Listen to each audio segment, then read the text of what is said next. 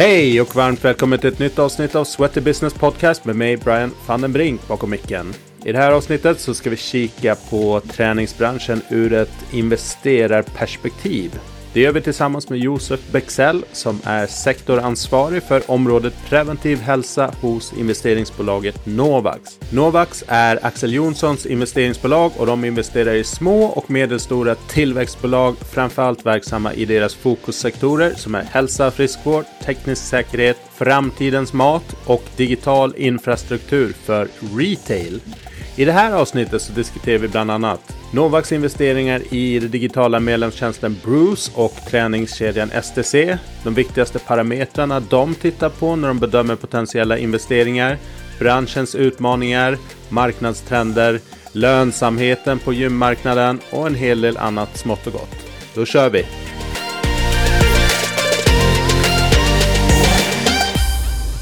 Alright, varmt välkomna till Sweaty Business Podcast. Varmt välkommen Josef Bexell.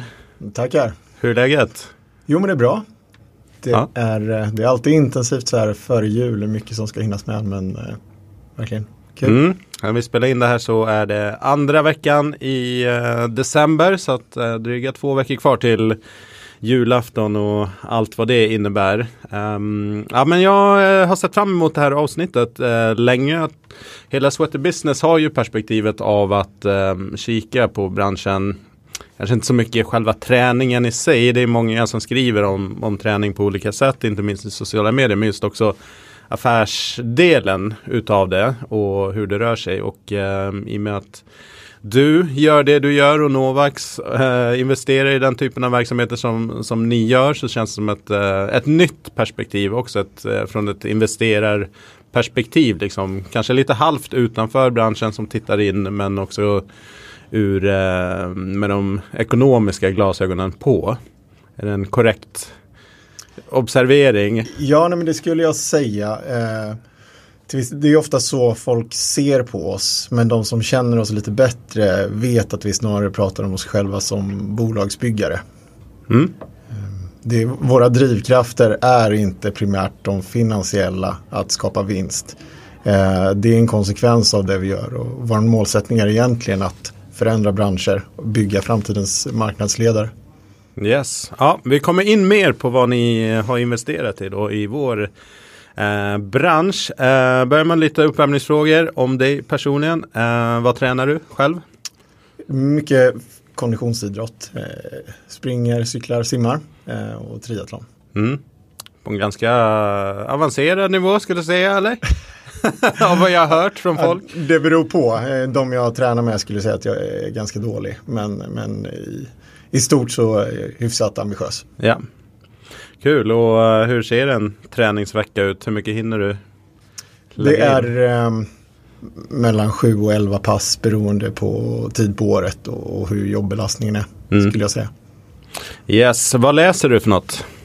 Nyheter, eh, mail och lite branschpress. Tyvärr inget mer spännande än så. Nej. Och vad lyssnar du på? Är musik. Eh, i samband med träning i första hand. Lite poddar för inspiration. Mm. Eh, om du får obegränsat med pengar, resurser till ett ändamål eller projekt, vad skulle du då välja att lägga dem på? Om man tänker ur ett globalt perspektiv så skulle det absolut vara mat, vatten och tak över huvudet för de som behöver det. Skulle man prata mer lokalt så eh, att aktivera ungdomar. Mm. Det, det är ett eh, problem som jag ser växer här i vår närhet.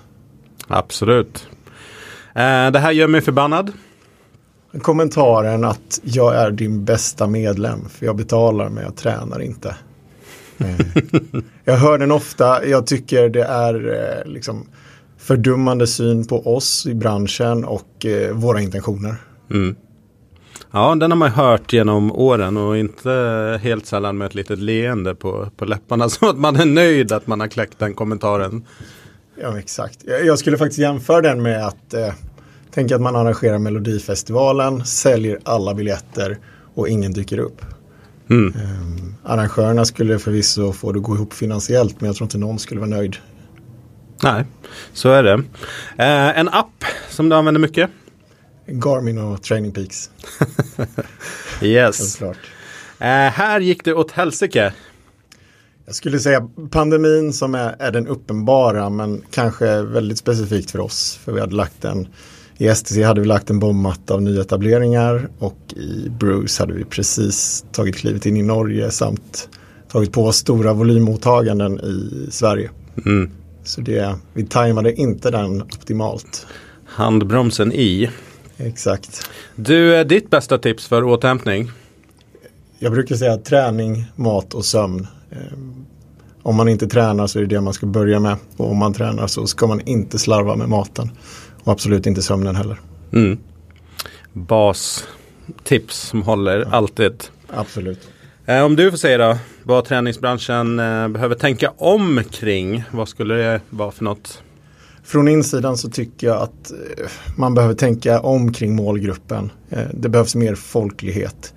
Istället för att alla slåss om klicken på 20% som tränar regelbundet redan så måste man hitta ett angreppssätt som lockar in de andra. Ehm, och tänker man från utsidan så är hela friskvårdsbidragskonceptet eh, lite uddlöst.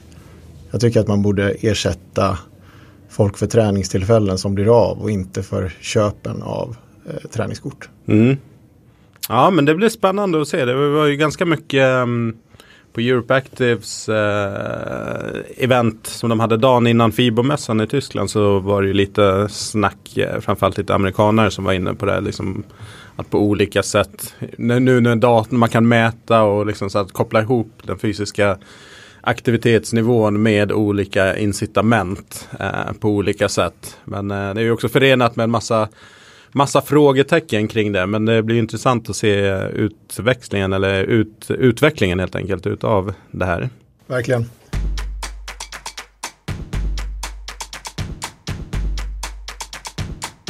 Din personliga bakgrund då, eh, yrkesmässigt? Vad...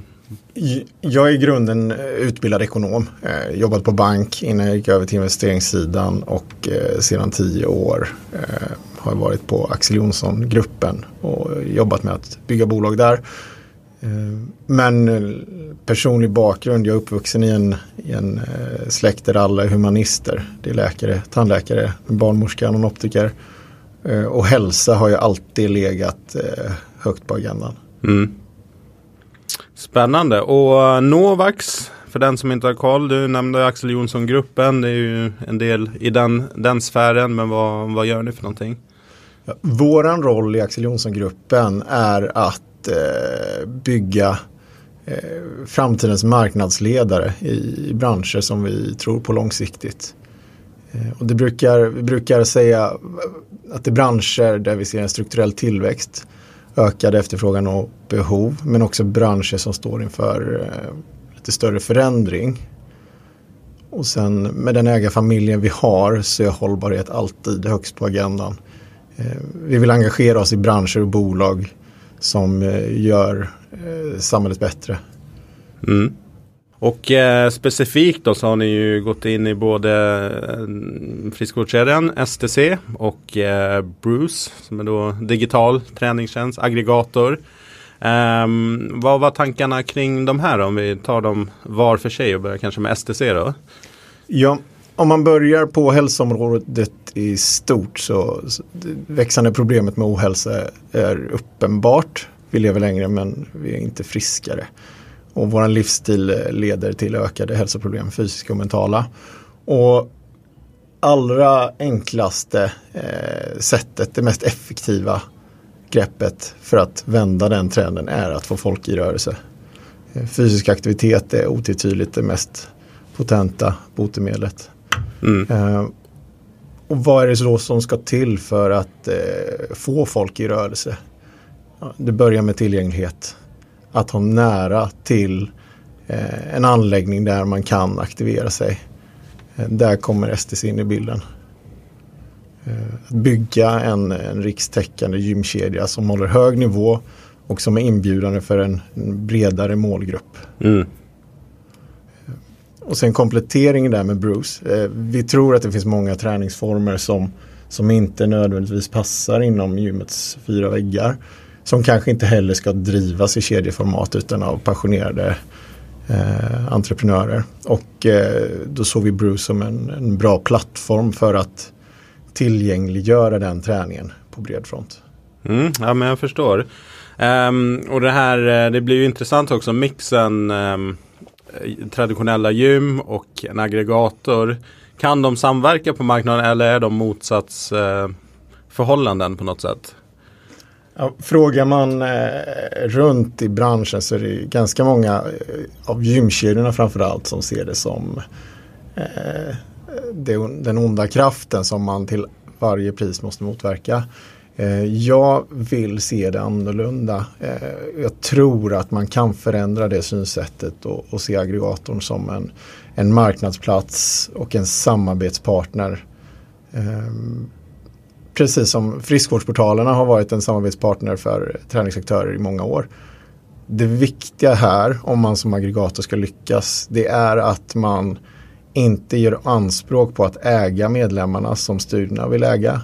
Man kan samäga. Det är, en människa kan ju både vara medlem i en aggregator och en hängiven kund på en studio exempelvis. Och sen, sen tror jag det är väldigt viktigt också att inte lockas in i träsket att eh, liksom, existensberättigandet som aggregator eller friskvårdsplattform får inte vara att man pressar priser, tvingar fram rabatter. För den här branschen behöver inte eh, den är, liksom, marginalerna är relativt låga som de är. Ja. Det, det, är inte priset som gör, avgör om folk tränar eller inte. Det, det, är redan otroligt prisvärt jämfört med mycket annat i samhället. Ja men absolut, kan ju bara hålla med. Men vad ser du liksom som aggregatorernas största roll, funktion på marknaden? Är det liksom hitta nya målgrupper eller är folk ute efter den här flexibiliteten? Eller vad, vad är liksom grejen med det? Jag tror att de kan spela en roll i att tillhandahålla ett, som ett, ett medlemskap för de som inte nödvändigtvis vill committa till en enskild träningsform. Man vill inte gå bara till gymmet och göra det två dagar i veckan. Man vill inte enbart gå till en eh, studio. Ehm, det finns ganska många som idag ligger utan medlemskap just för att de vill växla. Eh, de vill inte committa till en enskild träningsform. Sen tror jag ändå på styrkan i att få in folk i en abonnemangsmodell. För då har man mentalt redan committat till att vilja träna och då kan träningsaktörerna i sin tur jobba med att bara driva aktivitet. Ehm, klippkortsmodellen har sin utmaning i att varje träningstillfälle då blir ett aktivt köpbeslut och vi måste få bort barriärerna som gör att träning inte blir av. Yes. Bra. Eh, butikssegmentet då? Hur eh, ser du på den framväxten om vi kikar på vi kan väl säga den nordiska, vi är ganska liknande marknader så jag tror att um, Tror du att det kommer något som vi ser kommer växa fram ännu mer? Eh, jag tror att det kommer växa fram ännu mer. Jag tror inte att det kommer ta över helt. Eh, någonstans är eh, grundträningen, den individuella styrka konditions eh, träningen basen i folks eh, träningsrutiner. Eh, men när det kommer till gruppträning och upplevelseträning så eh, finns en otrolig styrka att bedriva den nischat i studioformat och det, mm. det tror jag är här för att stanna. Sen kan trender svänga att det, som alla vet, det, det som var populärt för tio år sedan är inte populärt idag. Nej, så är det. Men eh, det finns ju kanske också då en oro från traditionella eh, operatörer att okej, okay, butik, eh, tar de medlemmar från traditionella gym eller hur ser du den dynamiken? Jag, till viss del tror jag att de gör det. Samtidigt så växer kakan också. Eh, genom att gruppbaserade träningsformer som kanske inte passar in i en traditionell gymsal växer fram så kan man locka in nya människor i, i fysisk aktivitet. Men jag tror ändå att hela butikstudiotrenden förändrar synen på vad ett vanligt gym ska innehålla. Ett, en one-stop shop med allt i ett.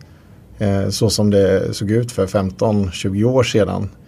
Den modellen den kan komma till sin plats på en ort där eh, studiomarknaden eh, blir lite mer begränsad och alla har en upplevd närhet till gymmet.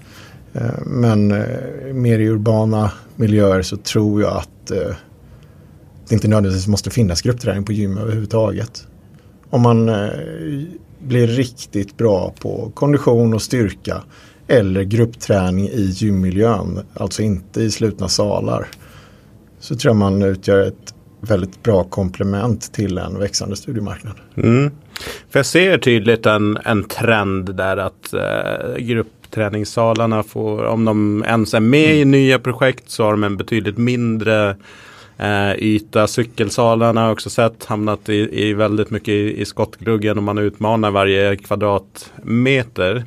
Tror du att vi kommer se mer av att gym blir mer renodlade gym? Jag skulle tro det. Mm. Eh, man tar ju en risk när man eh, binder kvadratmetrar vid, eh, för gruppträning och, bygger fasta väggar.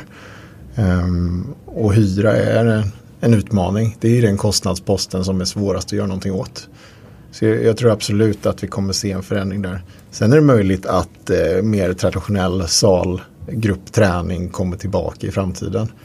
Eh, who knows? Nej, who knows. Det brukar ju vara en 20-30 års cykel. Så att, eh, och sen, exakt, sen kommer det tillbaka.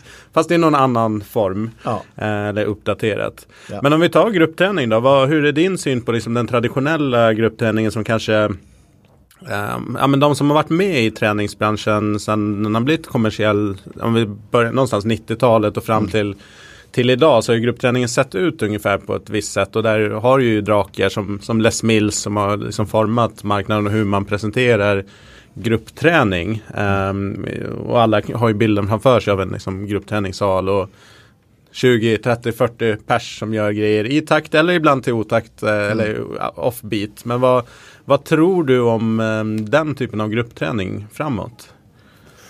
Jag tror inte man ska underskatta den sociala dimensionen i, i träning generellt. Så att folk vill träna tillsammans, det har inte förändrats. Men vad de tränar tillsammans och vilken miljö, det har ju förändrats. Eh, jag tror det är den här traditionella föreställningen av en öppen sal med eh, eh, enbart lite förflyttningsbara redskap. Mm. Det har ju begränsat gruppträningens potential.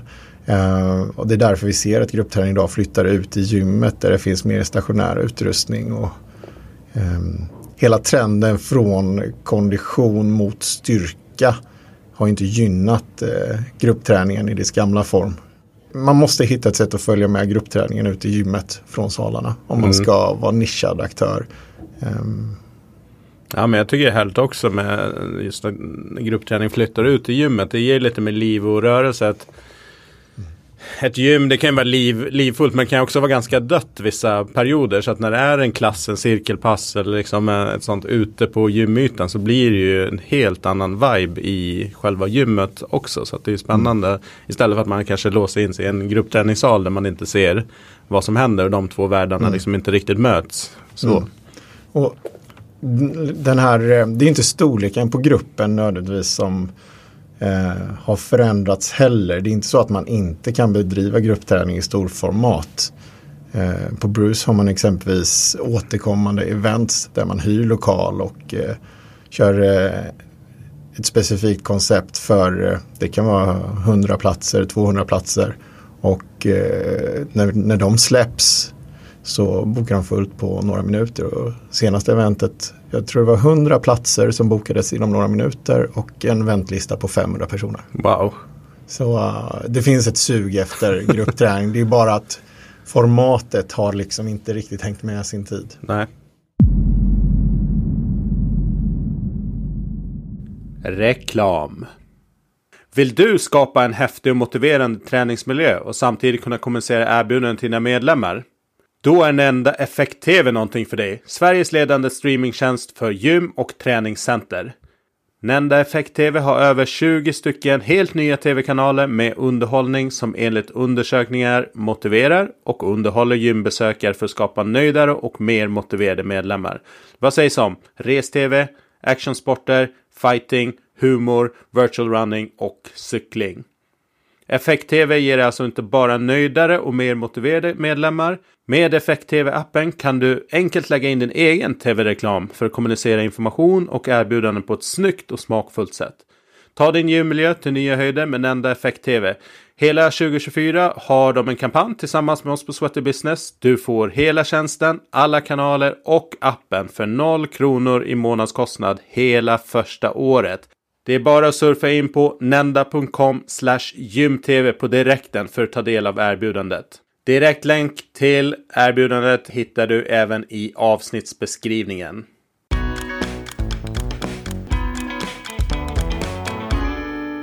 Ta lite då hur ni eh, kikar på marknaden och företag och potentiella investeringsobjekt. Vad, vilka är de viktigaste faktorerna som ni tittar på till att börja med om ni liksom överhuvudtaget ska värdera ett eh, företag eller en verksamhet att gå in i? Jag brukar kolla på um, två saker. Det ena är den långsiktiga kommersiella bärkraften. Går det att få ekonomi i det här? Eh, jag ser ofta briljanta idéer men där man inte riktigt har tänkt igenom vem som ska betala för det och hur intäkterna ska tänka kostnaderna över tid. Mm. Um, men det är det ena. Det andra är storskaligheten. Uh, för vår del som investerare så är det uh, vi vill åstadkomma förändring i stor skala. Vi vill förbättra folkhälsan och då måste koncepten vi investerar i tilltala den breda massan. Uh, så att nischkoncept i all ära, jättespännande men då, då vill vi snarare facilitera nischkoncept på bred front så som med Bruce. Mm. Ja men jag förstår. Då fick vi en um, lyssnar eller följarfråga, det var på Instagram. Så här, uh, hur kan um, företag i branschen bli bättre på att locka till sig kapital? Det kanske blir en spegling av det, det du sa, mm. men har du någonting annat att, att addera där? Något generellt råd? För att alla investerare kanske inte kollar på storskaliga grejer heller. Det kan ju vara uh, mindre. Har du någonting, någon tanke där? Jag tycker mest jag träffar många passionerade entreprenörer eh, eller eh, personer som vill starta företag i den här branschen. Eh, det jag tycker mig se genomgående är att viljan och passionen eh, trumfar logiken. Eh, det, man ser inte utmaningarna i idén man har. Man ifrågasätter den inte kritiskt. Man eh, vill så gärna att det ska bli bra. Eh, och, så man driver på trots att varningsflaggen finns. Man tänker inte igenom hur det ska fungera hela vägen. Yes. Um, ja, men det är min, eller min syn. Det finns ju duktiga entreprenörer uppenbart i den här branschen också. Men att det är en väldigt passionsstyrd uh, typ av verksamhet. Många som brinner för hälsa, träning, hjälpa andra uh, på olika sätt. Men att kanske uh, businessdelen kanske inte är lika rolig eller man är inte lika intresserad mm. utav den. Utan man vill pitcha in sin idé för den är så, så briljant. Men kanske inte som du säger, alla aspekter är intäckta där och särskilt mm. kanske den ekonomiska delen. Mm. Det kan man lägga till på det temat att passionen på samma sätt som är en otrolig styrka eh, och någonting fantastiskt i den här branschen eh, så är det också till viss del en last. Eh, det gör att folk som ett exempel, man kanske etablerar en anläggning med ett koncept som inte är helt genomtänkt på en plats som kanske inte är perfekt i en lokal som inte är ändamålsenlig. Eh, och istället för att rent krast se att affären inte bär sig så låter man passionen och viljan ta över. Man driver på, man jobbar gratis, man förändrar konceptet så att det blir flera koncept i ett och det blir otydligt man sänker priserna. Och det blir liksom bara en ond spiral som ändå kommer leda till att man måste stänga. Men på vägen så har man förstört prisbilden och förutsättningarna för de andra som faktiskt har en hållbar affär i grunden. Just det. Ja, ja men intressant take. Eh, ni investerar ju också i företagshälsa. Hur eh, länkar ni ihop det här med satsningen på gym? Ja, om man ser gym som eh, ren business to consumer. Det handlar ju om att aktivera människor av fri vilja och på deras fritid och i mångt och mycket med deras egna kapital. Eh, företagen har ju också drivkrafter att investera i det här. Eh, att förbättra hälsan hos medarbetare, gynnar produktiviteten och minskar kostnaderna för sjukskrivningar. Eh, och om man hittar ett sätt att jobba med företagen eh, och länkar ihop de här, då, då tror jag att man åstadkommer en större förändring. Eh, och vår satsning på företagshälsovård handlar idag om eh, hälsokontroll, att upptäcka hälsorisker i tidigt skede och sätta in insatser för att förekomma en sjukskrivning. Mm. Eh, och på det, det är inte jättelångt ifrån det till att också någonstans jobba med incitament för att aktivera medarbetare. Få dem att ta träningstillfällen, det kan vara stegtävlingar, det kan vara gruppträning på arbetsplatsen. Ehm, vi vill knyta ihop den där länken mellan eh, träningen direkt mot konsument och, och via företagen. Och jag tror, lyckas man med företagsaffären så kan man också aktivera människor som kanske inte har fri vilja och på sin fritid tar sig till mm. gymmet. Och det är där vi kan åstadkomma mest skillnad i, ur ett folkhälsoperspektiv.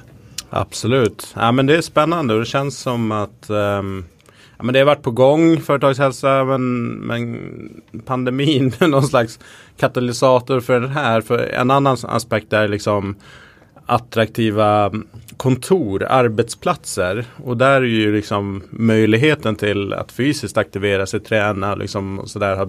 Vad jag upplever både när jag pratar med leverantörer och företag och företag som är inom just företagshälsa. Att det har kommit upp liksom som en väldigt stark faktor för att skapa attraktiva arbetsplatser egentligen. Att folk vill komma till kontoret eh, mm. istället för att sitta hemma och med den, med de, liksom, den friheten man har där och tillgång säkert till träning också där.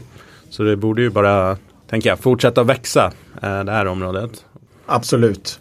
Och då måste man också förändra perceptionen av företagshälsa från någonting reaktivt, eh, rehabprocesser för de som redan har eh, liksom bekräftad ohälsa till någonting förebyggande. Förhindra att folk hamnar där i mm. första taget. Och det är det vi vill göra på företagssidan. Yes. Kan du dela med dig lite insikter och liksom lärdomar som du har fått av de här åren som du har varit eh, involverad i träningsbranschen via Novax? Då, saker som har slagit dig eller som, ja, som du kan reflektera över? Jag har reflekterat mycket över just den här, det vi pratar om, det passionsdrivna. Mm. Eh, och som jag sa innan att det, det är en styrka men det är också en last i, i många avseenden. Mm. Ja, men jag alltså, har tänkt på det mm, liksom på, om man tar typ löner. Jag har jobbat som grupptennisinstruktör eh, bland annat och eh, det har ju såklart alltid varit en, en diskussion kring löner men jag upplever också att många särskilt på gruppträningssidan, jobbar, de har, de har sin passion i träning, så man jobbar, det är inte deras dayjob. Så att egentligen så här, den där lönen spelar inte så stor roll. Är det 150 spänn i timmen eller 200 spänn i timmen? Det, är så här, det spelar ingen roll. Vilket hämmar också, precis som du säger, att prisutvecklingen hämmas av att eh, olika koncept drar ner priserna eller håller dem nere så blir det samma sak Eh, om man tar på instruktörssidan att eh, det finns liksom ingen, ingen så jättepress att trycka upp dem för att de flesta som jobbar inom eh, den typen av roller mm. gör det så pass lite så att det spe, gör varken från eller till. Vilket, eh, ja, vilket är synd kan jag mm. tycka. Ja, det är mycket i den här branschen som, som måste förändras och som jag tror kommer förändras över tid. När vi investerade i STC så fick jag höra att det, det fanns tillräckligt många gym i Sverige redan. Mm. Eh, antalet gym per capita förvisso högt. Eh, det delade jag, men högt relativt andra länder, inte högt relativt vad det kan och bör vara. Eh, och när jag hörde andra större kedjor jobba efter devisen att man inte öppnar nya anläggningar utan bara i så fall stänger en och öppnar en ny eller tar över en befintlig anläggning. Jag tyckte det byggde mycket på hypotesen att demografin är statisk. Mm. Eh, och att konceptet och efterfrågan på, på träning är statiskt. Så är det inte. Eh, det är den stora marknaden för träning är de som idag inte har ett medlemskap. Mm. Det gäller att komma åt dem och då måste man komma med nya koncept eftersom de gamla inte har lockat. Ehm, och det som en otroligt viktig parameter när vi har gjort våra bredare konsumentundersökningar, eh, när vi har frågat de som inte har ett gym-medlemskap, varför? Så kommer närheten ofta upp som eh, en utmaning. Okay. Det är för långt till min närmaste anläggning. Mm. En annan sak som kommer upp är att de inte känner sig välkomna. Eh, de passar inte riktigt in. Eh, techno, tribals. Eh, de är mer lockade av att gå till ett eh, hotellgym och träna mm. än att gå till en eh, träningsanläggning som någonstans har det som sin core business. Och det är väldigt märkligt tycker jag. Så vi har i våran strategi hela tiden försökt forma ett koncept eh, som tilltalar en bredare massa eh, än de som idag är medlemmar hos oss eller hos någon av våra branschkollegor. Mm. Jag tror man måste tänka ännu mer så.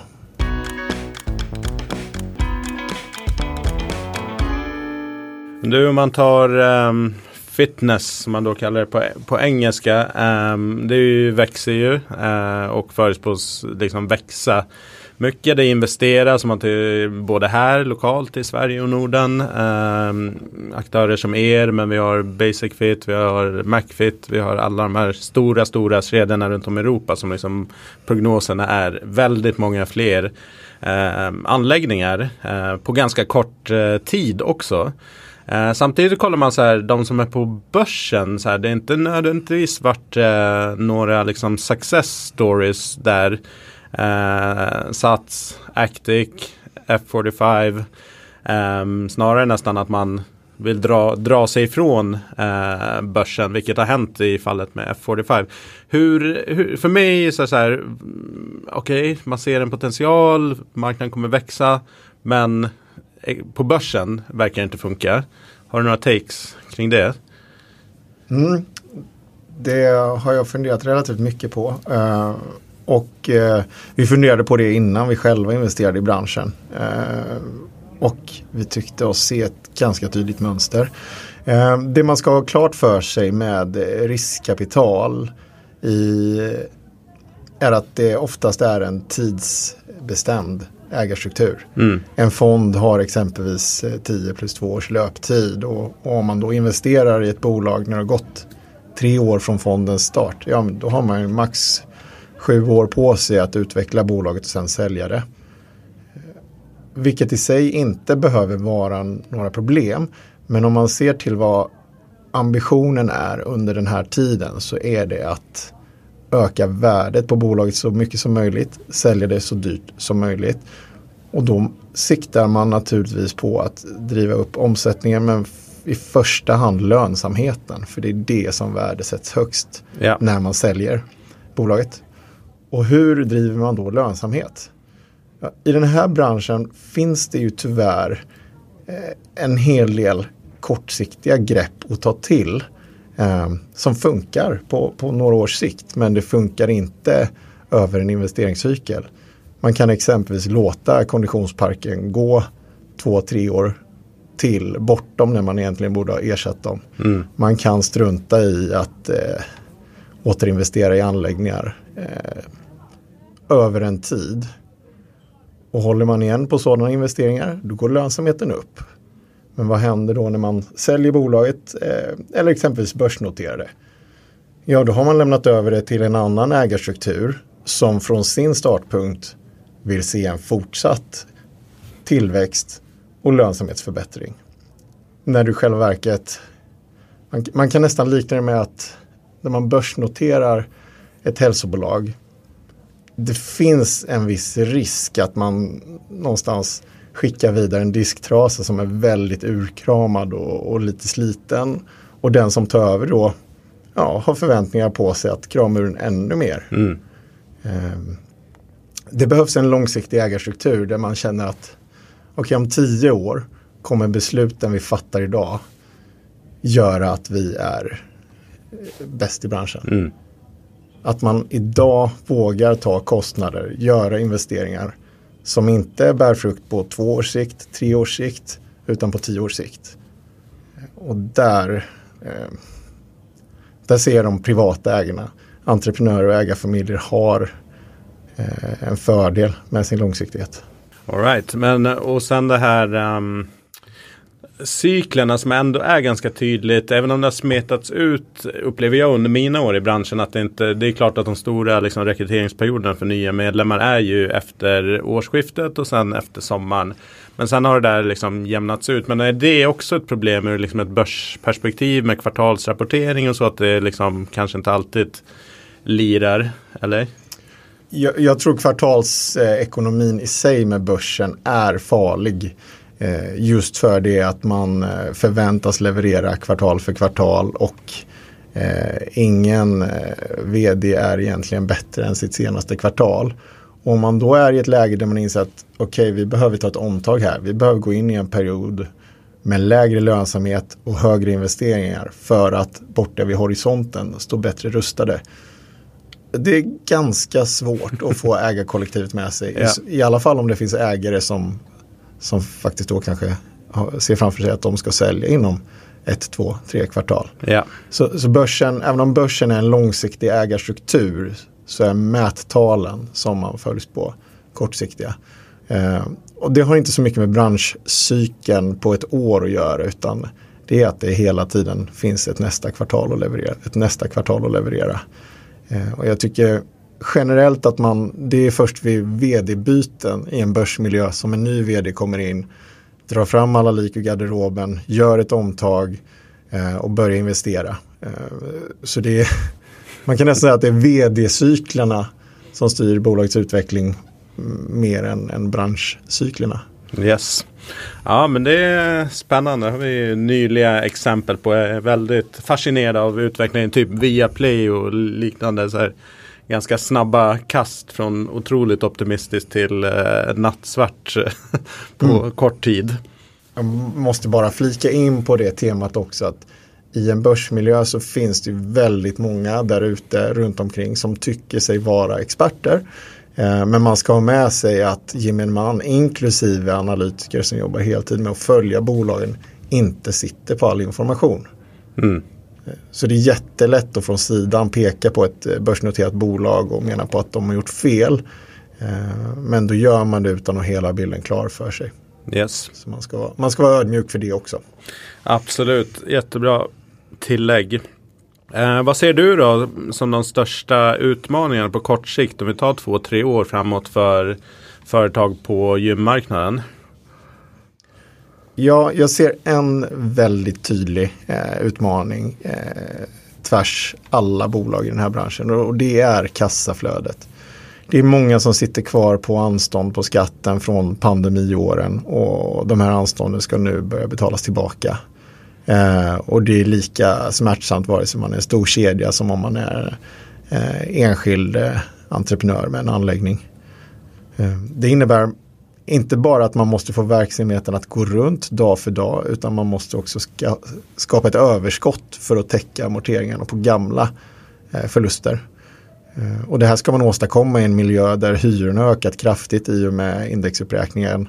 Elpriserna är höga, utrustning och förbrukningsmaterial har blivit dyrare och konsumenten har mindre kvar i plånboken. Så det, en hemsk ja. cocktail skulle jag säga. Ja, och hade man bara strukit anstånden då hade nog många klarat det. Men mm. nu är det anstånden, de gamla skulderna från pandemiåren som eh, man egentligen aldrig kompenserades för. Eh, man tog en stor smäll när statsministern sa gå inte på gym. Eh, och det enda man fick var uppskov med mm. betalning. Ja, herregud. Tror du vi får se ökat antal konkurser? Absolut. Mm.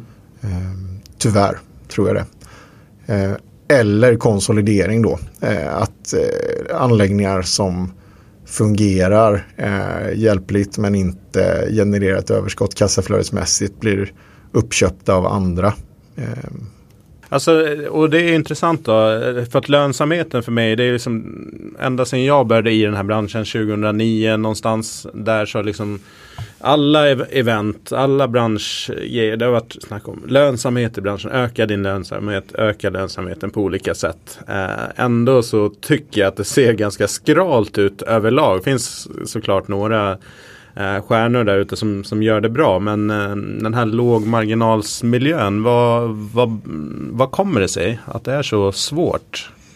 Jag tror historiskt att det kommer mycket av att det har varit för lätt att öppna träningsanläggningar. Att få folk att jobba mer eller mindre gratis och man har trott att pris har varit ett konkurrensmedel. Men i alla undersökningar jag har gjort så är det inte priset som avgör om folk eh, tränar eller inte. Det är helt andra aspekter. Och jag hoppas och tror att det här kommer förändras över tid, att, att alla inser det. Eh, att sänka priset löser inga problem. Du kan till och med höja priset och få fler medlemmar om du bara har en eh, bra produkt, mm. en bra tjänst, en, en träningsupplevelse eh, som tilltalar fler. Ja. Helt enig där. Jag är alltid fascinerad av att enskilda PTs koncept kan ta ja, men flera tusen för ett tidsbegränsat eh, koncept. Medan eh, någon kan tycka att det inte är värt att betala ett par hundra lappar i månaden för att gå på ett gym med all service och närhet och ja men duscha och bastu och hela, alltså man tycker ju så här, ni får ett enormt värde här. Ändå så så kanske inte alla som uppfattar det som, som det, att det man får är, är värt de pengarna konstigt nog. Ja, det har varit för billigt att träna i Sverige. Mm. Eh, man får otroligt mycket för pengarna. Eh, du kan få en månads eh, medlemskap till priset av ett biobesök med popcorn. Mm. Så ja, yes. men jag tror att det är på bättringsvägen. Det är svårare att starta gym idag. Fastighetsägare är mer restriktiva med vem de släpper in. kedjorna har stordriftsfördelar. ja, jag tror mer och mer börjar det här gå upp för folk. Att mm. Eh, man ska jobba med koncept och inte med priset i sig. Bra. Näst sista frågan. Gästens trendspaning. Du har slängt upp en massa grejer. Men eh, jag tänkte om du har något i bakfickan så där, som du ser från din horisont som du tror vi eh, kommer få se mer utav. Ja, jag, det vore lite förmätet av mig att tro att jag kan peka på någon eh, träningstrend som ingen annan har sett. Eh, jag skulle snarare slå ett slag för företagen som, som eh, nav i hälsoarbetet. Eh, företagen kommer få ökade krav på sig att investera i hälsa hos sina medarbetare. Och då menar jag inte hälsoundersökningar utan eh, även att aktivera medarbetare. Det kanske handlar om att man ska ha några timmar mindre arbetstid mm. om man under den tiden istället rör på sig. Eh, det kommer nog komma mer krav på att företag subventionerar träning eh, mm. jämte friskvårdsbidraget. Det är min långsiktiga hypotes. Mm. Spännande, jag hoppas jag att den slår in. Det är inte helt omöjligt. Mm. Du, vi har kommit eh, fram till slutet här. Om man vill eh, veta mer om Novax är det hemsidan som gäller om man vill läsa på mer om vad ni pysslar med? Absolut. Eh, eller skicka ett mail till mig eller ring. Så jag älskar att få träffa spännande människor och, prata om vad vi gör och få tips på vad vi kan göra annorlunda. Så mm. vi är tillgängliga. Grymt! Jag lägger in eh, uppgifterna i avsnittsbeskrivningen så där kan ni klicka er fram. Eh, så hittar ni Josefs kontaktuppgifter där också. Eh, sista frågan egentligen. Och först skulle jag bara vilja tacka så mycket för att du kom hit, ställde upp och eh, delade med dig av vad ni pysslar med på Novax och hur du ser på saker. Det har varit superintressant tycker jag. Hoppas lyssnarna också tycker det. Och tack själv för att jag fick komma hit. Eh, så ja, musik. Vad ska vi avsluta? Vi rullar ju alltid ut eh, till någon låt. Ja, det här var nästan den svåraste frågan. Eh, för jag har bedrövlig musiksmak och har det mest för träning. Men en låt som ändå fångar den känslan som jag känner när jag jobbar i den här branschen. Det är Knan Waving Flag som var en signaturmelodi från fotbolls-VM 2010. Just det. Den, eh, det är en frihetskänsla, den gjuter in hopp om framtiden. Mm. Helt perfekt att avsluta med. Stort tack. Tack.